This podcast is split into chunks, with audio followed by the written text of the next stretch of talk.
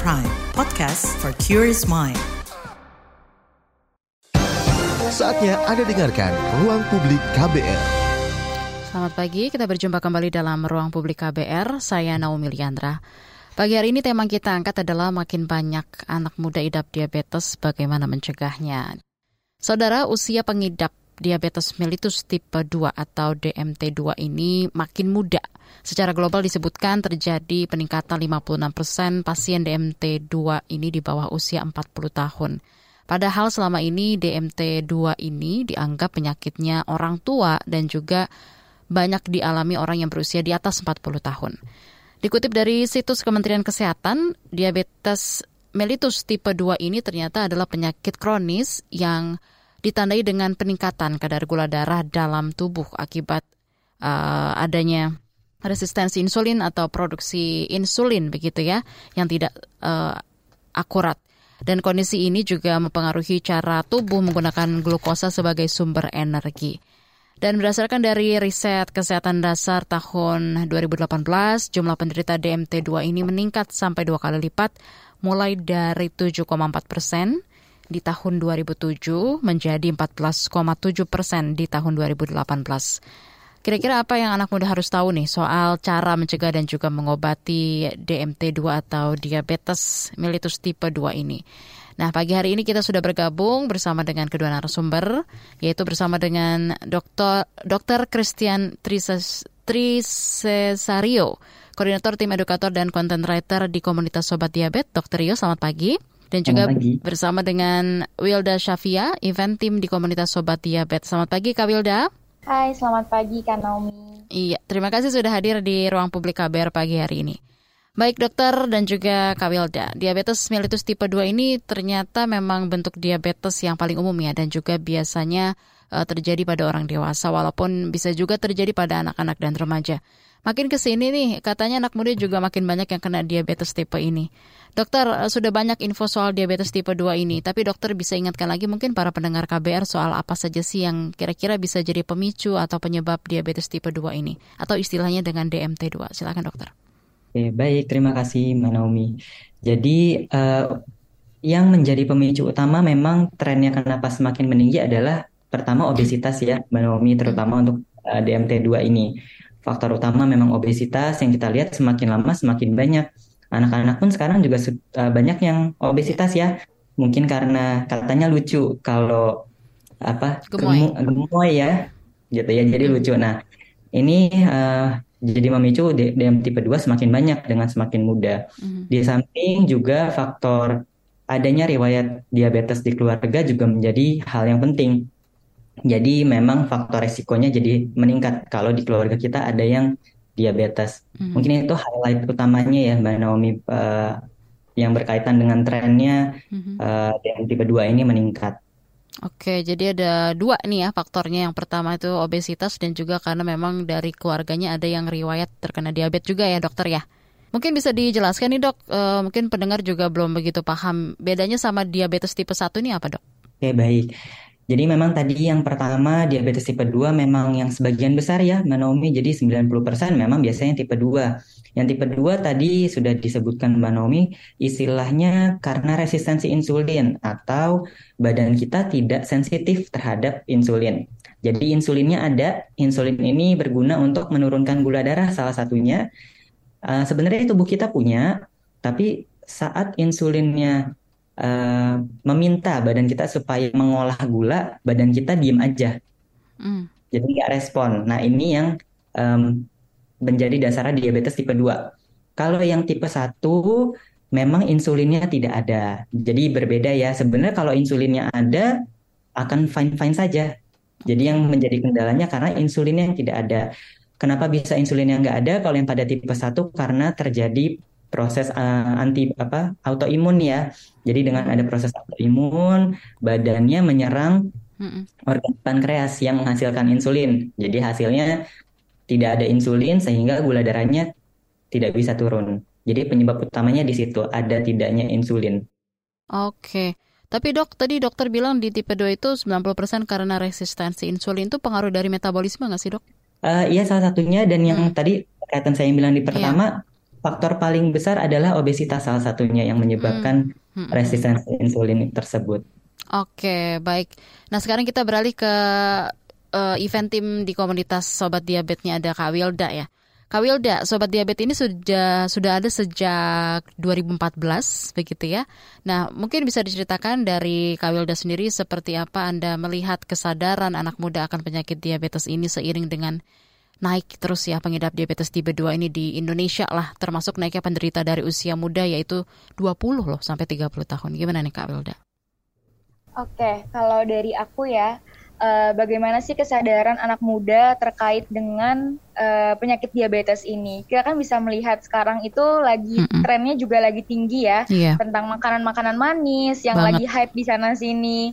Everything segula ya, sebelah kiri kanan Iya, betul sekali. Terus okay. kayak uh, kopi-kopi manis juga lagi uh, merajalela di mana-mana yang pastinya sebenarnya uh, kopi yang dipesan itu pasti kopi yang tinggi gula kan karena itu yang buat enak begitupun minuman-minuman manis ya pokoknya karena kan seperti yang tadi disampaikan ya DM tipe 2 itu yeah. memang banyak disebabkan oleh uh, pola hidup jadi hmm. sebenarnya um, kesadaran anak muda tentang penyakit diabetes ini uh, bisa dilihat itu uh, mungkin sedikit harus di aware lagi gitu ya karena uh, mungkin kurangnya edukasi dan lain sebagainya itu bisa menyebabkan si anak-anak muda ini akhirnya uh, termakan dengan hype-nya aja yang sekarang tetap mengkonsumsi makanan-makanan manis dan sebagainya. Jadi hmm. uh, hadirnya sobat diabetes di sini itu sebenarnya uh, pengen ngajak anak-anak muda agar lebih aware lagi nih tentang penyakit diabetes. Walaupun sebenarnya hmm. uh, anak-anak muda tuh banyak loh yang sudah mulai aware.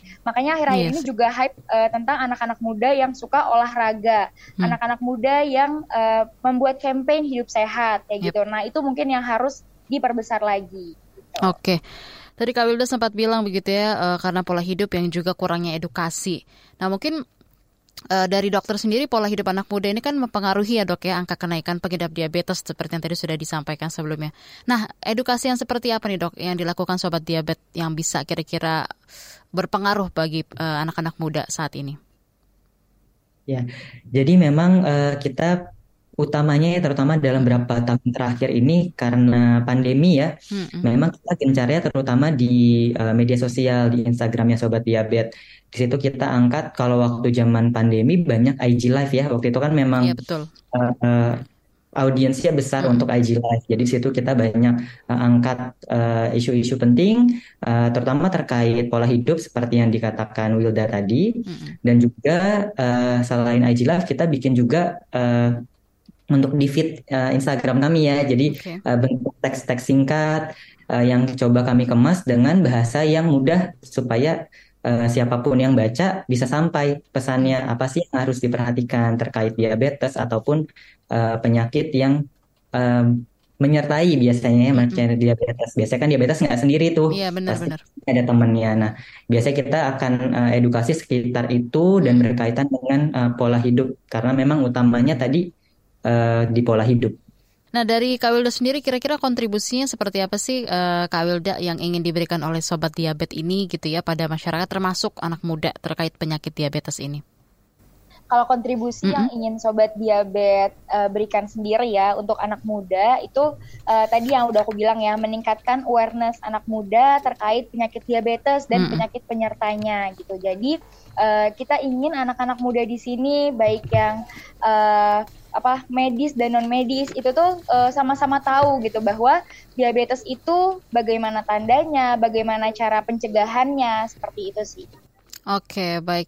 Nah, uh, mungkin dari dokter sendiri bisa dijelaskan lagi nih dok ya, bagi anak-anak muda yang sekarang masih uh, mungkin mengikuti dengan tadi katanya Kak Wilda gitu ya, dengan hype-nya kehidupan saat ini dengan lifestyle yang uh, kopi di mana-mana, gerainya dengan segala tempat yang indah dan menarik supaya bisa mampir situ untuk foto dan lain sebagainya. Itu itu juga berpengaruh ya dok ya.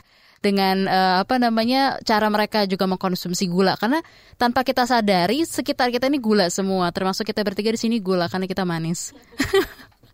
Oke okay, dokter, dokter uh, untuk gejala diabetes ini bisa diingatkan lagi dok, mungkin ke pendengar gitu ya beda gejalanya pada anak muda dan juga orang tua. Karena kan gitu ya kita sebagai anak muda atau bahkan banyak yang menganggap aman lah masih umur segini nggak bakal kena diabetes. Nanti kalau udah tua biasanya kayak gitu loh dok. Nah ini gimana dok? Silakan, mungkin dari dokter bisa diingatkan kembali, kembali di remind. Jadi kalau untuk gejala sebenarnya nggak ada bedanya nih Mbak Naomi antara yang hmm. muda sama yang tua. Cuma yang perlu uh, diingat dan mungkin perlu saya tekankan diabetes belum tentu bergejala. Okay. Inilah sulitnya kita untuk mendiagnosis karena kadang memang hmm. saat diabetesnya baru itu nggak ada gejalanya.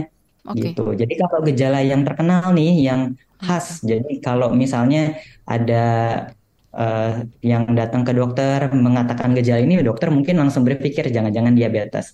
Okay. Ini biasanya turun berat badan, padahal nggak nggak olahraga, makannya nggak kurang, tapi berat badannya turun. Hmm. Terus sering lapar, jadi udah makan tapi kok ya masih pengen makan terus, lapar terus, sering haus, rasanya pengen minum terus, dan juga sering buang air kecil terutama biasanya malam hari nih. Jadi hmm. biasanya kan kita kalau tidur mungkin nggak terbangun ya atau yeah. ya iya. paling sekali gitu. Hmm. Nah ini terbangunnya bisa bolak-balik ke kamar mandi bisa dua tiga bahkan lebih ya hmm. uh, untuk ke kamar mandi di malam hari. Nah ini biasanya kalau sudah muncul gejalanya gulanya kemungkinan udah tinggi tuh. Waduh serem gitu. juga ya dok.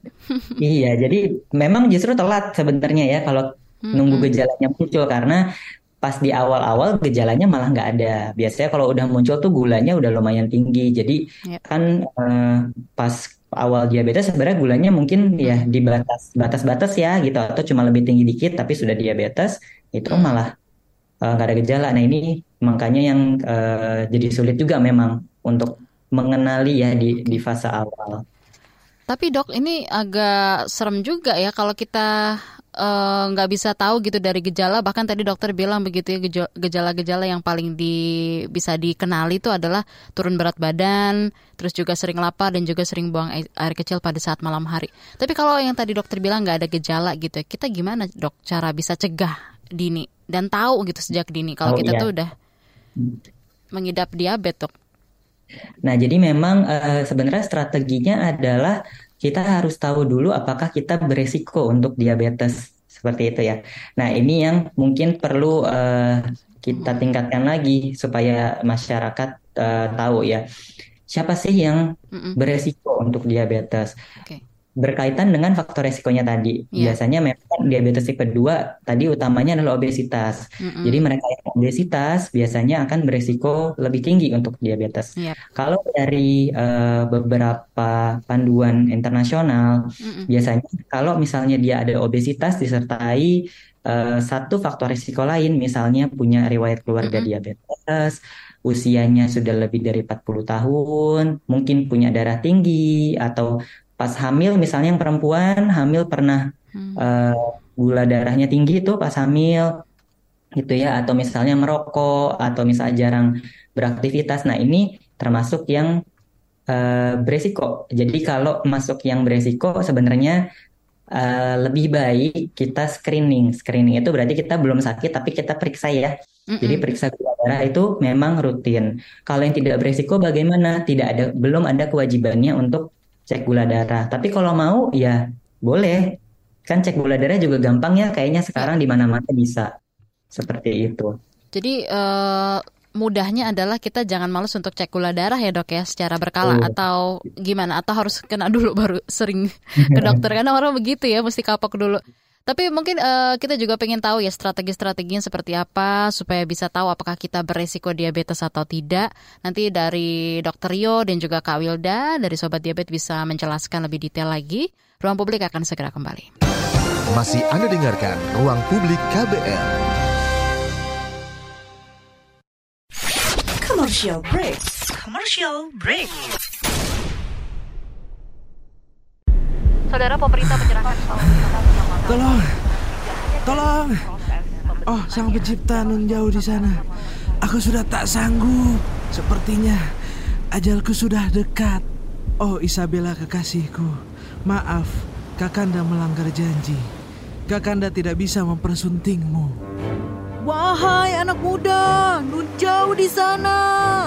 Bertahanlah. Kami, Kesatria Homo Sapiens, datang menyelamatkanmu. Oh, Sang Pencipta, akhirnya kau jawab doaku. Isabella, Kakanda datang. Aduh, udah sini buruan. Nggak mau kan tenggelam dalam derasnya arus informasi? Makanya dengerin FOMO Sapiens, jalan pintas yang nggak bikin kamu ketinggalan berita atau peristiwa di sekitar kamu. Bersama saya Ian Hogan. Dan saya Aika, hadir setiap Jumat. Simak hanya di kbrprime.id dan di platform mendengarkan podcast kesayangan kamu. Masih Anda dengarkan Ruang Publik KBR.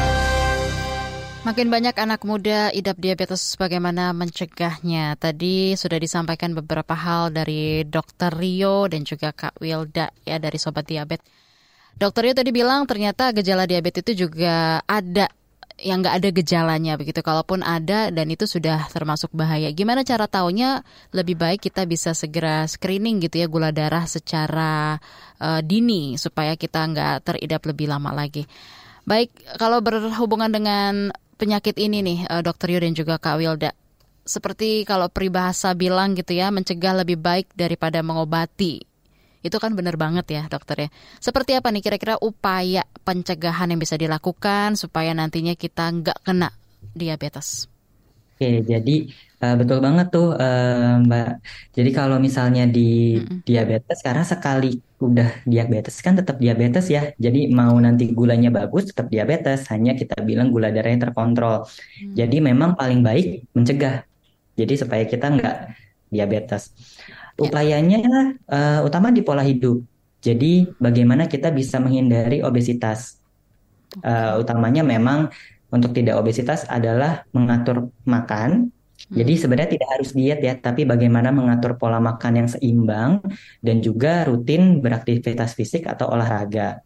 Di samping itu yang nggak kalah penting juga hmm. uh, tidak merokok gitu ya, tidak merokok dan juga tidak uh, minum minuman beralkohol. Meskipun sebenarnya hmm. uh, dari beberapa studi sih alkohol yeah. uh, relatif ya, asal tidak berlebihan. Kalau rokok ini cukup konsisten di mana-mana juga dibilang uh, jadi faktor risiko juga ke mana-mana bahkan nggak hanya diabetes. Jadi mempertahankan pola hidup sehat adalah uh, caranya kita menghindari dari diabetes. Meskipun tidak bisa 100% memang ya kita hindari hmm. uh, uh, istilahnya kita hanya bisa berupaya dan itu upaya yang dapat kita lakukan. Oke. Jadi uh, tapi aku mau tanya lu dok, kalau orang obesitas sama overweight, nah itu sama nggak dok? Tetap harus jaga pola hidupnya supaya nggak terjadi diabetes, overweight. Oh iya, uh, sama. Memang Uh, overweight sendiri uh -uh. masih agak abu-abu nih Mbak Ulan. Jadi okay. ada penelitian yang bilang tetap beresiko, ada yang enggak. Kebetulan overweightnya kita memang beda juga sama bule gitu ya istilahnya. Uh-huh. Kita bule itu mungkin masih overweight tapi dengan berat badan yang serupa di kita tuh sudah obesitas. Okay. Begitu. Jadi memang kita lebih uh, ketat ya untuk berat badannya. Jadi dengan berat badan yang sama dengan bule itu resiko kita lebih tinggi. Jadi okay. uh, eh, lebih baik memang kalau masih bisa kita jaga ke ideal mm-hmm. akan lebih bagus. Cuma memang nggak nggak maksa sih. Yang penting pola hidup kita uh, sehat ya. Oke, dari pola makan, kemudian keseharian kita juga tetap ada aktivitas. Karena kan sekarang orang juga karena canggihnya teknologi malas gerak gitu ya. Segalanya bisa lewat handphone alias smartphone atau telepon pintar. Oke, uh, dokter, kalau bicara lagi nih kita soal bahaya gitu ya. Katanya diabetes tipe 2 ini kan bisa menyebabkan penyakit-penyakit lainnya nih seperti stroke dan juga sampai gangguan penglihatan. Apakah dampak lanjutan ini juga nantinya bisa dicegah, Dok? Dan uh, apakah pengobatan juga memang harus dilakukan eh, orang-orang dengan diabetes tipe 2 ini supaya nantinya nggak sampai mengalami dampak yang lebih parah lagi? Jadi betul diabetes tipe 2 ini ada yang bilang uh, ibunya dari segala penyakit mm -hmm. gitu ya. Karena memang banyak komplikasinya. Yang paling umum tadi yeah. seperti yang dikatakan stroke, mata, serangan jantung juga bisa, terus bisa ke ginjal gitu ya, bisa juga ke syaraf. Jadi ini yang umum kita temui. Nah, caranya mencegah supaya tidak sampai komplikasi nih apabila memang udah diabetes ya, okay. yaitu dengan mengontrol tidak hanya gula darah, sebenarnya kan gula darah pasti ya namanya yep. diabetes gula darah tinggi kita harus kontrol, hmm. tapi juga harus menjaga tekanan darah dan juga kolesterol. Hmm. Jadi gula darah, tekanan darah dan kolesterol ini uh, tiga-tiganya harus sinergis, harus kita kontrol karena kalau hanya bagus gula, kolesterolnya tetap bisa bikin serangan jantung, tetap bisa bikin stroke. Hmm. Hipertensi atau darah tinggi, kalau misalnya gula bagus, kolesterol bagus juga tetap aja bisa nanti kenanya ke ginjal juga dengan darah hmm. tinggi. Jadi memang uh, ini hal tiga ini memang minimal yang kita kontrol untuk hmm. mencegah komplikasi. Memang tidak menjamin ya 100% bisa yeah. kita hindari komplikasi tapi resikonya bisa menjadi minimal ketimbang hmm. gula darahnya kita biarkan. Terus apakah harus minum obat? Iya, uh, tergantung oh. kalau memang terindikasi ya. Iya, iya. Jadi pilarnya untuk diabetes itu adalah sama pola hidup sehat terdiri dari mengatur pola makan dan olahraga, hmm. lalu dengan obat.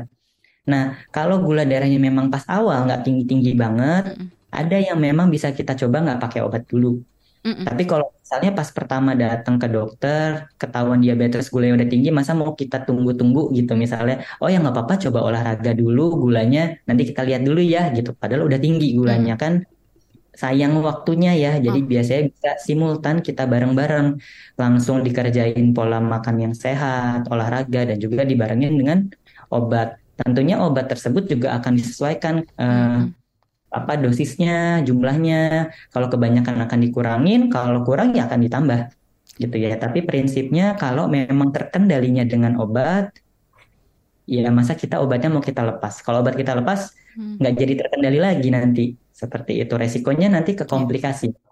Kurang lebih seperti itu. Oke, jadi harus ada tiga ya dok ya yang tetap harus dikontrol secara bersamaan yaitu gula darah, tekanan darah, dan juga kolesterol. Nah, Betul. Kak Wilda eh, berkaitan soal program yang dilakukan sama Sobat Diabetes nih, kira-kira eh, target program ini siapa aja dan seperti apa nih Kak Wilda? Kalau misalkan bicara target program, ya target program kita itu yang diutamakan adalah kawan-kawan yang masih usianya muda ya, masih remaja gitu.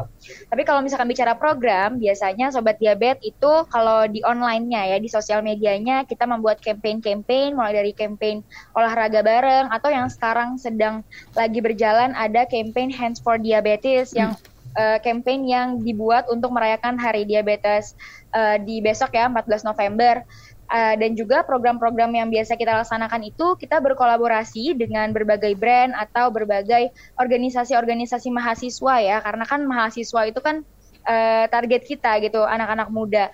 Uh, di sini kita biasanya juga kolaborasi bukan hanya kepada mahasiswa yang medis saja tetapi hmm. juga uh, mahasiswa yang non medis yang memang acara yang ingin mereka buat itu adalah acara uh, yang uh, ada tujuannya ke diabetes gitu dan pada saat kita lagi acara offline lagi acara langsung kita juga uh, melakukan pengecekan gula darah nih seperti yang tadi dokter Yo sudah sampaikan ya mm-hmm. uh, jadi dengan pengecekan gula darah di setiap acara itu jadi kayak orang-orang yang datang ke acara tersebut kita cek gula darahnya, kita lakukan screening awal. Karena kan kalau misalkan gula darahnya masih normal, yeah. Iya. uh, ya kita bisa memberikan edukasi bagaimana cara mempertahankan agar gula darah tetap normal. Atau uh, ternyata sudah masuk ke yang prediabetes, kita juga bisa memberikan edukasi mm -hmm. agar tidak sampai ke diabetesnya. Mm -hmm. Atau jika memang ternyata pada pemeriksaan pertama di screening itu mm -hmm. sudah tinggi, kita juga bisa memberikan uh, edukasi dan pengetahuan harus hmm. bagaimana tata laksana yang benar seperti apa kayak gitu. Jadi hmm. uh, hal-hal itu sih yang biasanya sobat diabetes lakukan berdasarkan programnya.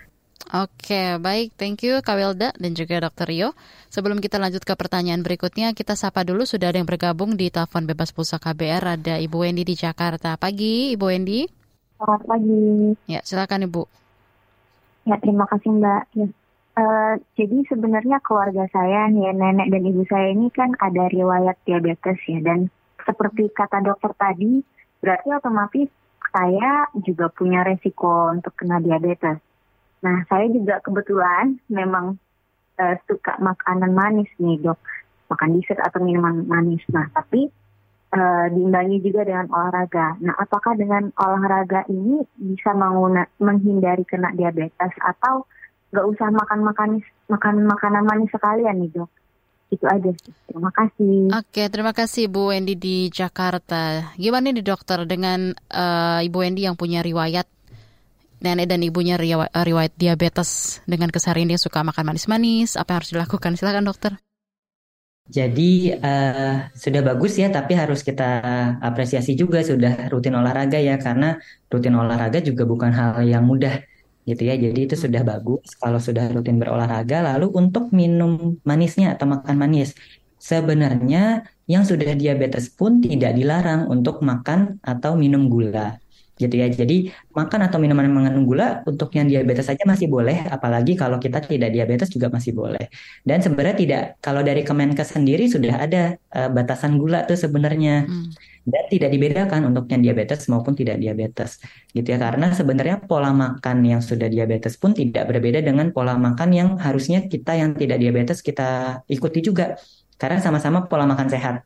Pola makan sehat yang seimbang gitu ya. Jadi kalau mau manis sebenarnya masih boleh, tapi ada batasannya. Jadi jangan sampai kelewatan aja. Kalau misalnya masih dalam uh, sesuai dengan rekomendasi dari Kemenkes, saya rasa sih masih nggak apa-apa. Tapi kalau sudah berlebih, sebaiknya dikurangi gitu ya. Jadi jangan sampai karena udah olahraga tapi makan manisnya malah nggak di stop ya malah ya. pol-polan nah itu nanti sama aja bohong gitu ya hmm. kalau kebanyakan tetap uh, bisa jadi nggak seimbang nanti dengan olahraganya. Jadi ada batasan untuk uh, makanan minuman manisnya nanti mungkin bisa uh, dicari maksimal sih 50 gram ya sehari gulanya atau kurang lebih 4 sendok makan gitu. Itu maksimal dok. 4 maksimal. sendok uh, makan per hari gula per boleh hari. dikonsumsi. Oh iya. oke. Okay. Berkaitan juga sama ini nggak sih nasi nasi putih itu kan katanya gulanya tinggi ya dok ya? Kalau misalnya oh, nggak oh, dimasukin ke kulkas, kalau kalau dia dingin gulanya hilang gitu. Ada juga yang bilang seperti itu. Oh. Itu juga uh, ngaruh ya dok ya porsi-porsi. Ya, Iya, tapi sebenarnya nggak masalah nasi. Maksudnya hmm. mau, mau mau hangat mau dingin ya nggak masalah sebenarnya. Terus sebenarnya tadi yang 50 gram itu adalah gula tambahan ya. Jadi misalnya oh, di luar pemanis makanan, tambahan ya. Kalau nasi itu sebenarnya kan memang akan dipecah jadi gula, tapi yang pas kita makan dia bentuknya sebenarnya uh, namanya karbohidrat ya, karbohidrat yeah. kompleks. Uh, nanti porsi nasi itu memang harus diatur, tapi oh. yang diabetes pun mau makan nasi putih tetap boleh, cuma jangan kebanyakan. Kita gitu. jadi hmm. kuncinya adalah uh, mengatur porsinya yang seimbang dan tidak berlebih tapi juga tidak kurang. Oh gitu, oke. Baiklah, nanti kita bakal tanya-tanya lagi kepada Dokter Rio dan juga Kak Wilda dari Sobat Diabet. Ruang Publik, we'll be back. Masih Anda dengarkan Ruang Publik KBR. Yuk follow sosial media KBR. Twitter at Berita KBR, Instagram at KBR.id, Youtube Berita KBR. Masih Anda dengarkan Ruang Publik KBR. Terima kasih untuk Anda yang masih menyimak ruang publik KBR. Kita masih berbincang bersama dengan Dr. Rio dan juga Kak Wilda dari Sobat Diabetes. Lagi bahas soal makin banyak anak muda idap diabetes, gimana cara mengatasinya. Baik, eh, Dr. Rio dan juga Kak Wilda, saya izin bacakan beberapa komentar di YouTube dan juga WhatsApp yang sudah masuk. Mohon disimak, akan saya bacakan satu persatu ya. Yang pertama dari Banyuwangi ada Pak Hairudin Abdul. Kalau sedang pengobatan KB, kadang apakah bisa pengaruh ke insulin? Bagaimana cara kontrol supaya selalu normal? Dokter, mohon dijawab, silakan. Ya, oke. Okay, jadi uh, eh, KB ya, sebenarnya hormon KB uh, sedikit banyak sih tetap ada pengaruhnya tapi nggak nggak terlalu besar ya. Jadi bagaimana mengontrolnya tadi tetap utamanya di pola hidup sehatnya gitu ya pola hidup sehat dan memang kalau termasuk tadi yang saya bilang beresiko ada baiknya untuk screening secara berkala untuk gula darah ya. Mm-hmm. Tadi kalau misalnya normal memang dikatakan uh, maksimal ya maksimal tiga tahun kemudian bisa cek lagi. Kalau mau tiap tahun juga sangat boleh hmm. gitu. Jadi kuncinya tadi pola hidup sehat, mengenali apakah termasuk uh, kelompok yang beresiko atau tidak. Kalau memang beresiko, uh, cek gula secara rutin. Jadi kita bisa tahu lebih dini kalau misalnya sudah mulai naik misalnya. Seperti itu. Oh gitu. Itu sebabnya uh, dokter kandungan mungkin bisa kasih juga uh, obat gula darah ya dok ya kepada pasiennya. Itu salah satu alasannya. Uh, sebenarnya ada juga di istilahnya salah satu penyakit yang biasa ditemui oleh dokter kandungan ya. Uh, memang biasanya pada wanita wanita-wanita yang masih muda itu mm-hmm. yang istilahnya bisa menyebabkan resistensi insulin juga, mm-hmm. gitu. Jadi uh, ada satu penyakit namanya mungkin kalau uh, semua ada yang pernah uh, dengar uh, polikistik ya, mm-hmm. sindrom uh, polikistik. Nah itu juga mm. menyebabkan resistensi insulin gitu. Jadi yeah uh, karena mekanisme resistensi insulin kebetulan obatnya obat diabetes. Jadi memang sebenarnya bukan untuk mengobati diabetes, mm -hmm. tapi untuk uh, mengobati yang resistensi insulinnya. Oke, jadi mengobati resistensi insulinnya begitu ya. ya. Baik, uh, lanjut lagi ya dokter dan juga Kawilda. Kita baca dari Jakarta Barat ada Ibu Nisa Nurmayati. Apakah konsumsi nasi pati resisten bisa efektif untuk ngurangin kadar glukosa dalam nasi? Gimana nih dok? Soal nasi ini dok, makanan nasi. kita yang sehari-hari. Ya, jadi tadi uh, mungkin saya sudah sempat singgung ya nasi sebenarnya kita nggak masalah ya mau nasi ya. putih, mau nasi coklat, nasi merah, mm -hmm. nasi apalagi nasi hitam, nasi banyak ya sekarang nasi. Uh, sebenarnya nggak masalah. Yang menjadi penting adalah seberapa banyak kita makan nasinya mau kita makan nasi merah tapi kalau makannya dua piring sama aja ya oke okay. ujungnya naik juga tuh gula gitu jadi uh, mau nasi putih nggak masalah yang biasa kita makan asal uh, porsinya sesuai kebutuhan jadi kebutuhan kita masing-masing juga akan berbeda pasti cuma mm -hmm. memang secara umum kalau kita aktivitas fisiknya nggak yang ekstrim ya mm -mm. sebenarnya dalam satu piring itu mm. jatahnya karbohidrat mm -hmm. jadi bisa nasi bisa mie bisa penggantinya ya uh, ubi apa namanya misalnya kayak pasta oh, gitu okay. yang tepung itu kan karbohidrat semua yeah. sebenarnya cuma kurang lebih sih seperempat dari piring oh, okay. gitu jadi sebenarnya kuncinya di porsinya jadi mau apa pun mm -hmm. makanan kalau porsinya berlebihan tetap nggak bagus jadi kunci utamanya tuh di porsi ya dokter ya. Makanya sempat ya. ada yang bilang kalau makan nasi itu cukup 4 sendok aja. Aduh, kalau saya sih nggak kenyang dok. Tapi mungkin itu sesuai eh, dari orangnya masing-masing ya. Oke hmm. lanjut lagi nih dokter dan juga Kak Wilda ada WhatsApp yang sudah masuk. Kita langsung bacakan saja. Di Banjarbaru ada Pak Rama. Selamat pagi mendengarkan melalui Nusantara FM Banjarmasin. Saya rasa komunitas sobat diabetes harus kawal para penjual makanan dan minuman kita agar teman dan para anak muda sekalian bisa dijauhkan dari diabetes. Oke, kita lanjut dulu dari Kerukut Depok ada Pak Angga Saputra. Dokter mau nanya, bagaimanakah caranya memberi kesadaran anak muda supaya mengurangi makanan atau minuman yang mengandung gula? Supaya nggak kena diabetes. Soalnya kan kalau kita kasih tahu suka dibilang sok tahu. Bagaimanakah cara memberikan kesadaran terhadap anak muda tentang penyakit diabetes? Monggo ditanggapi dulu dari Dokter Yo lalu dilanjutkan Kak Wilda, silakan. Oke, memang sulit ya. Uh, ini sebenarnya tergantung juga nih anak mudanya semudah apa ya.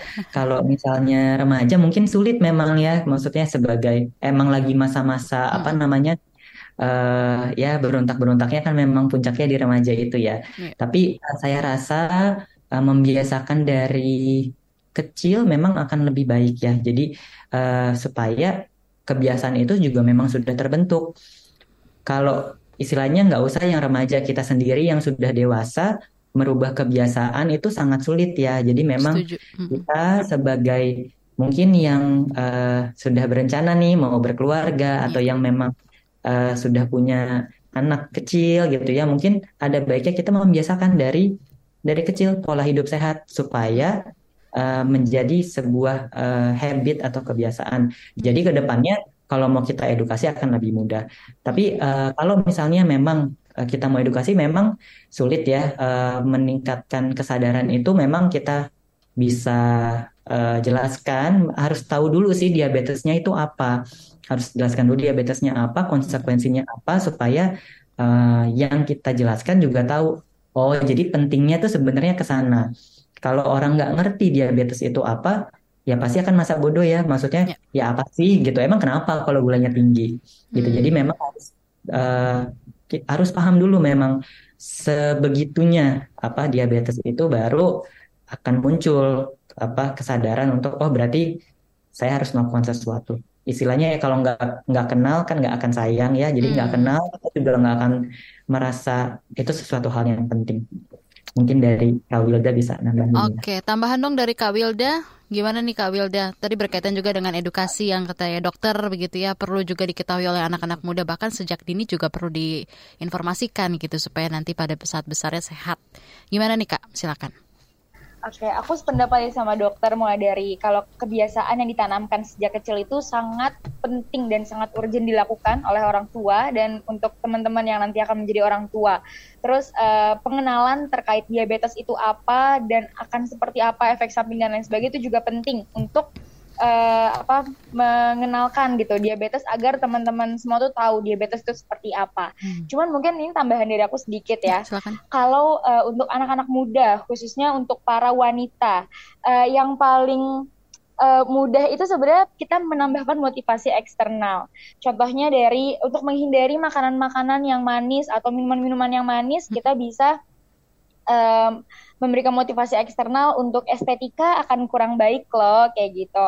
Hmm. Walaupun memang sebenarnya ada kan hubungannya yeah. uh, makanan-makanan minuman manis yang berlebihan itu hmm. ke estetika akan kurang baik. Terus kita juga uh, bisa uh, memperluas campaign kalau misalkan uh, siapa nih yang mau akan tetap fit sampai hari tua gitu. Jadi kita harus mulai menjaga dari sekarang. Mungkin walaupun sebenarnya ya motivasi-motivasi eksternal itu akan terpental jika dalam dirinya sendiri itu belum ada keinginan untuk bisa hidup sehat. Makanya sebenarnya uh, edukasi hidup sehat hmm. itu uh, sangat penting dilakukan dan jangan sampai lelah dilakukan. Oke. Okay. Oh, tanya sedikit Kak Wilda, uh, campaign diabetes yang 14 November ini diselenggarakannya di Jakarta kah atau di mana nih Kak? Iya, campaign yang uh, sebenarnya dilaksanakannya uh, tuh di hari Minggu besok ya, oh, di minggu, tanggal okay. 12 November. Mm -hmm. Itu kita bekerja sama dengan RSCM dan uh, oh, ada juga uh, okay. brand yang yeah. bekerja sama untuk uh, merayakan uh, Hari Diabetes mm -hmm. di tanggal 14 November. Hmm, oke. Okay. Jadi bagi yang mau datang ke sana, apakah bisa dapat uh, tes gula darah uh, free atau gimana nih kak? Kegiatan untuk umum atau tertentu saja atau yang sudah dapat undangan saja nih kak? Oke, kegiatan ini uh, untuk umum kan ya dok ya? Iya, untuk umum di lapangan Banteng, Mbak Naomi. Oh, lapangan Banteng berarti ya, di ya. dekat Pasar Baru ya, kalau nggak salah? Ya, kalau di Jakarta di lapangan Banteng okay. dari pagi dari jam uh, setengah enam jam enam itu sudah mulai di situ nanti ada acara ada cek gula darahnya juga gratis dan kalau mau bertanya-tanya bisa juga tentang diabetes di sana nanti selain dari tim sobat diabetes di sana ada eh, dokter-dokter ahli diabetes juga dari RSCM. Hmm, nice. Jadi untuk anda pendengar khususnya yang ada di Jakarta, mungkin kalau di luar wilayah Jakarta bisa mampir deh ke Jakarta ya, dokter dan juga Kak Wilda kalau ingin ikutan di acara nanti tanggal 12 November ya, hari Minggu ini berarti ya. Hari Minggu betul. Hari Minggu jam 6 pagi di lapangan Banteng uh, bakalan ada kegiatan, bisa juga cek gula darah dan secara free. Oke, baik. Kita mungkin baca lagi satu pesan WhatsApp yang sudah masuk. Ada dari Mojokerto Ibu Fatma. Apa benar penderita diabetes yang sudah mengalami cuci darah ada di ambang kematian? Lalu terapi atau perilaku apa yang harus dijalani kepada penderita yang sudah menjalani cuci darah? Dok, mohon ditanggapi dok, silakan. Baik, oke, ini agak uh, sulit ya. Jadi memang kalau sudah cuci darah itu uh, memang salah satu komplikasi dari diabetes tadi ginjal ya. Dan memang cuci darah itu sudah termasuk uh, yang tahap akhirnya dari penyakit ginjal. Hmm. Nah, apa yang harus dilakukan uh, sebenarnya sama, tetap pola hidup sehat, namun akan banyak yang perlu lebih diperhatikan, terutama dalam pemilihan makanan. Nah, kalau yang sudah cuci darah nggak bisa memang pilih-pilih makanannya itu sendiri harus uh, setidaknya berkonsultasi dengan ahli gizi atau dokter gizi karena ada pengaturan makan yang khusus untuk eh, pasien-pasien uh, yang sudah cuci darah. Biasanya proteinnya uh, uh, jumlah proteinnya gitu ya, terus jumlah uh, nanti ada zat gizi-zat gizi tertentu yang perlu diatur. Yeah. Nah itu nggak uh, bisa memang kita ngatur sendiri, harus uh, dibantu ya dengan ahli gizi. Pertama itu, lalu apakah sudah diambang kematian? Uh, yang sudah cuci darah itu biasanya uh, kalau memang uh, yang menyebabkan kematian pada pasien cuci darah itu biasanya justru penyakit uh, jantung gitu ya. Jadi bukan karena cuci darahnya. Oh. Jadi memang uh, pentingnya uh, tadi kontrol tidak hanya tekanan darah dan gula darah tapi kolesterolnya juga. Karena penyakit jantung tadi juga semuanya karena itu ya. Jadi meskipun sudah cuci darah, semuanya harus dikontrol supaya tidak nambah Tadinya kan cuci darah nih, yeah. jangan sampai nambah kena ke jantungnya juga. Karena yang uh, penyebab utama kematiannya tetap di penyakit jantung, bukan dari cuci darahnya. Seperti itu. Oke, baik terima kasih penjelasannya Dokter Rio dan juga Kak Wilda. Nanti kita akan bacakan beberapa WhatsApp yang sudah masuk, banyak sekali. Nanti uh, mohon ditanggapi ya dokter dan juga Kak Wilda. Untuk karena pendengar ruang publik, kita akan kembali lagi setelah pesan-pesan berikut ini. Masih Anda dengarkan Ruang Publik KBR. Commercial break. Commercial break.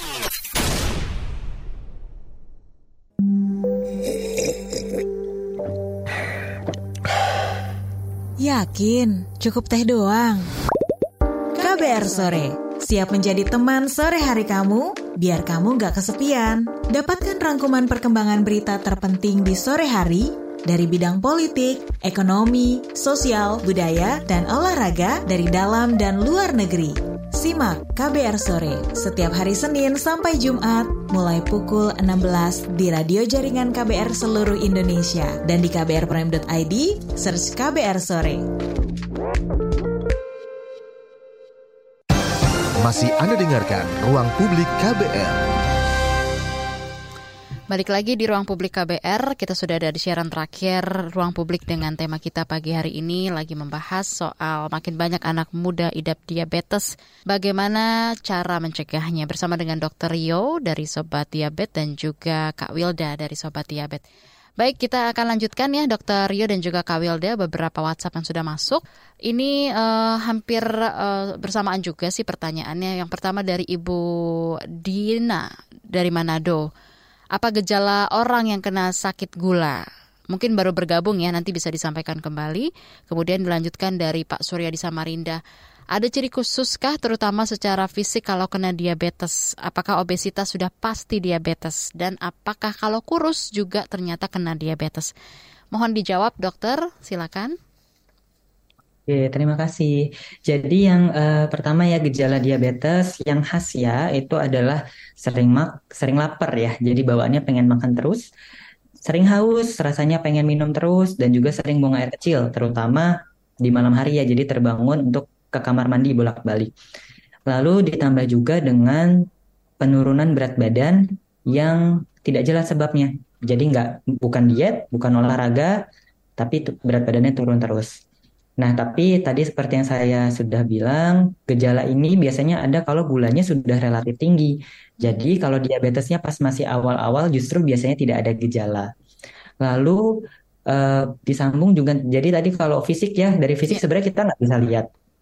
Jadi kita untuk bisa bilang diabetes atau tidak, memang harus cek darah gitu ya untuk lihat gula darahnya bagaimana. Kita nggak bisa lihat terawang dari depan, terus oh ini ini diabetes itu nggak bisa gitu.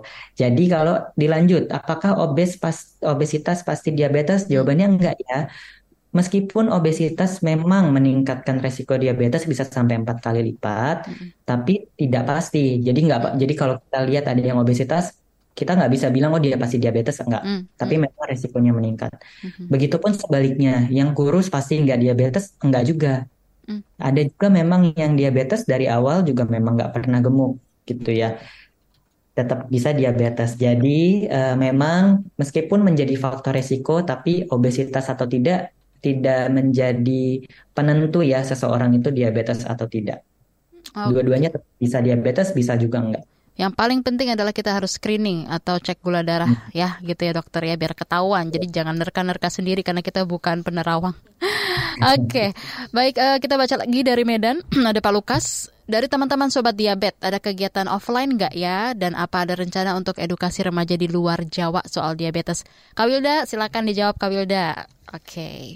Oke, kalau untuk kegiatan offline, kita tuh sebenarnya sering melakukan kegiatan offline ya, tapi um, yang di Jakarta khususnya. Hmm. Nah, uh, sobat diabetes sendiri itu sebenarnya ada di beberapa sudah ada di beberapa daerah, ada di Jogja, ada di uh, Papua, juga ada di Bali.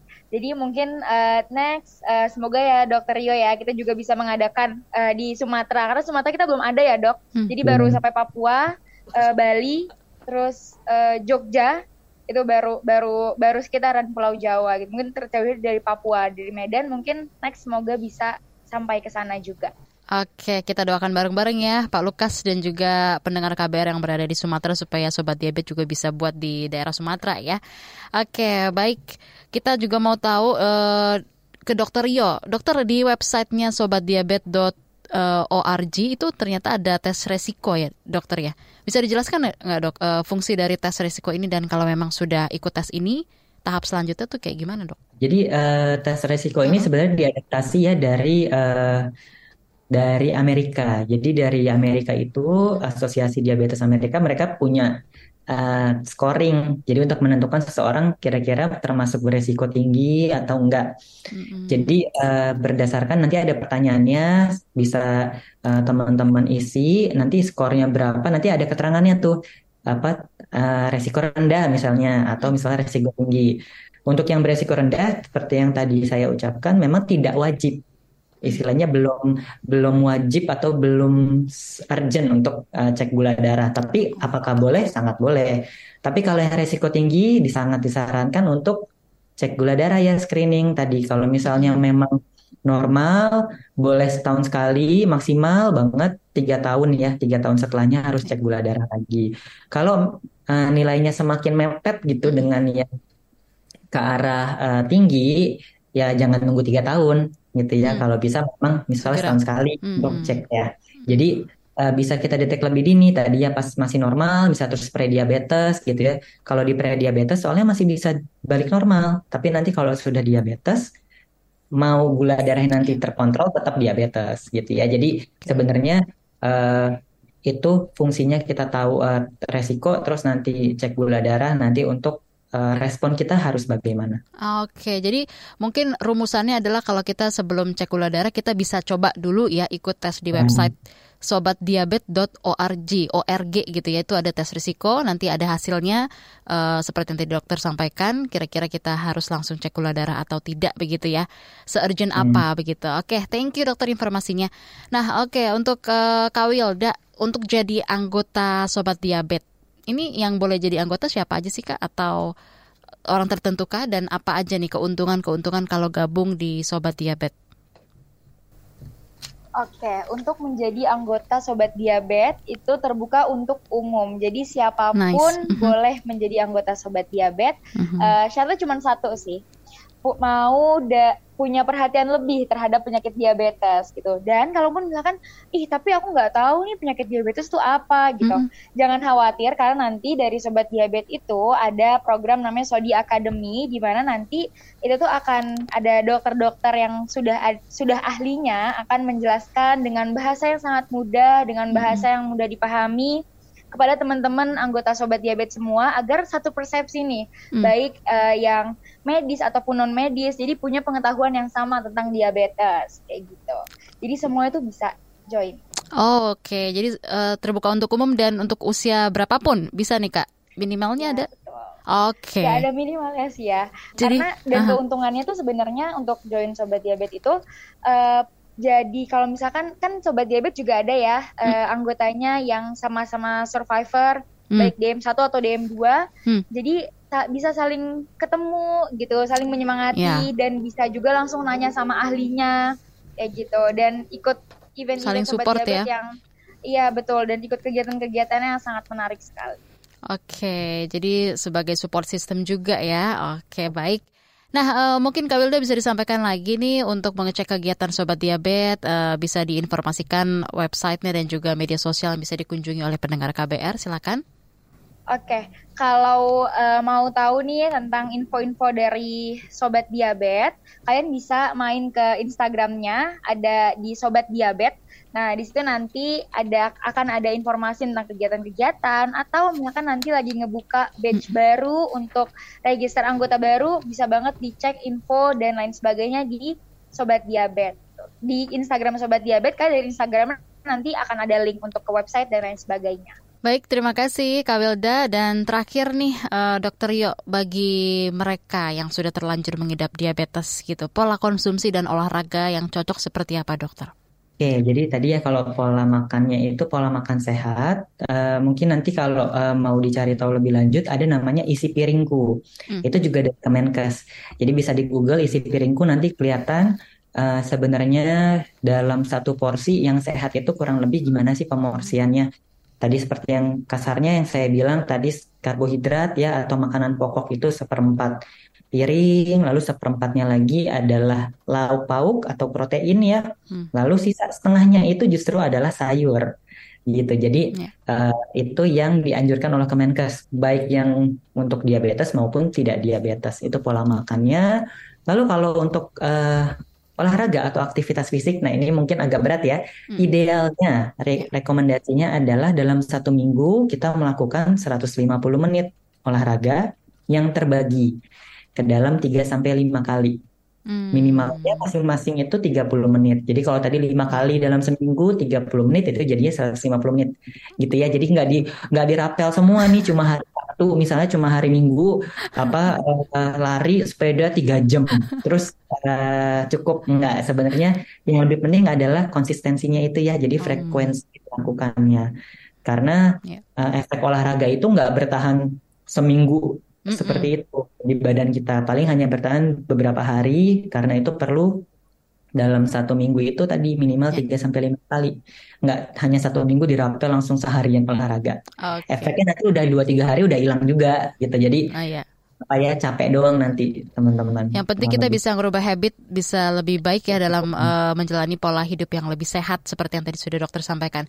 Last but not least juga nih uh, dari dokter dan juga Kak Wilda pesan untuk pendengar ruang publik pagi hari ini terutama anak muda yang lagi mendengarkan kita siaran pagi hari ini untuk sedini mungkin melakukan upaya mencegah diabetes tipe 2. Masing-masing satu menit dari Kak Wilda dulu ditutup oleh dokter Rio silakan.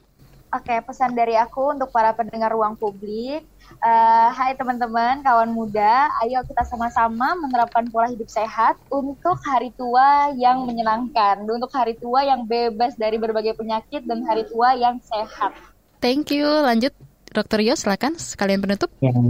Jadi uh, benar kayak kata Kak Wilda, uh, terutama kita yang masih muda jangan terlena ya karena kita masih kesannya masih bebas, kita harus uh, jaga pola hidup sehat sedari dini, baik itu menjaga pola makan, olahraga, jangan mager, jangan merokok, dan harus tahu apakah kita beresiko untuk diabetes atau tidak. Kalau memang kita termasuk yang beresiko, jangan ragu untuk cek gula darah dan rutin untuk screening supaya kita bisa tahu lebih dini kalau kita sudah semakin dekat. Jadi bisa kita cegah lebih awal. Oke, baik. Itu dia tadi Dr. Christian Trisaserio, Dr. Rio, Koordinator Tim Edukator dan Content Writer di Komunitas Sobat Diabetes dan juga Wilda Syafia, event tim di komunitas Sobat Diabetes. Terima kasih ya untuk Dr. Rio dan juga Kak Wilda atas waktu Anda berdua di ruang publik KBR pagi hari ini.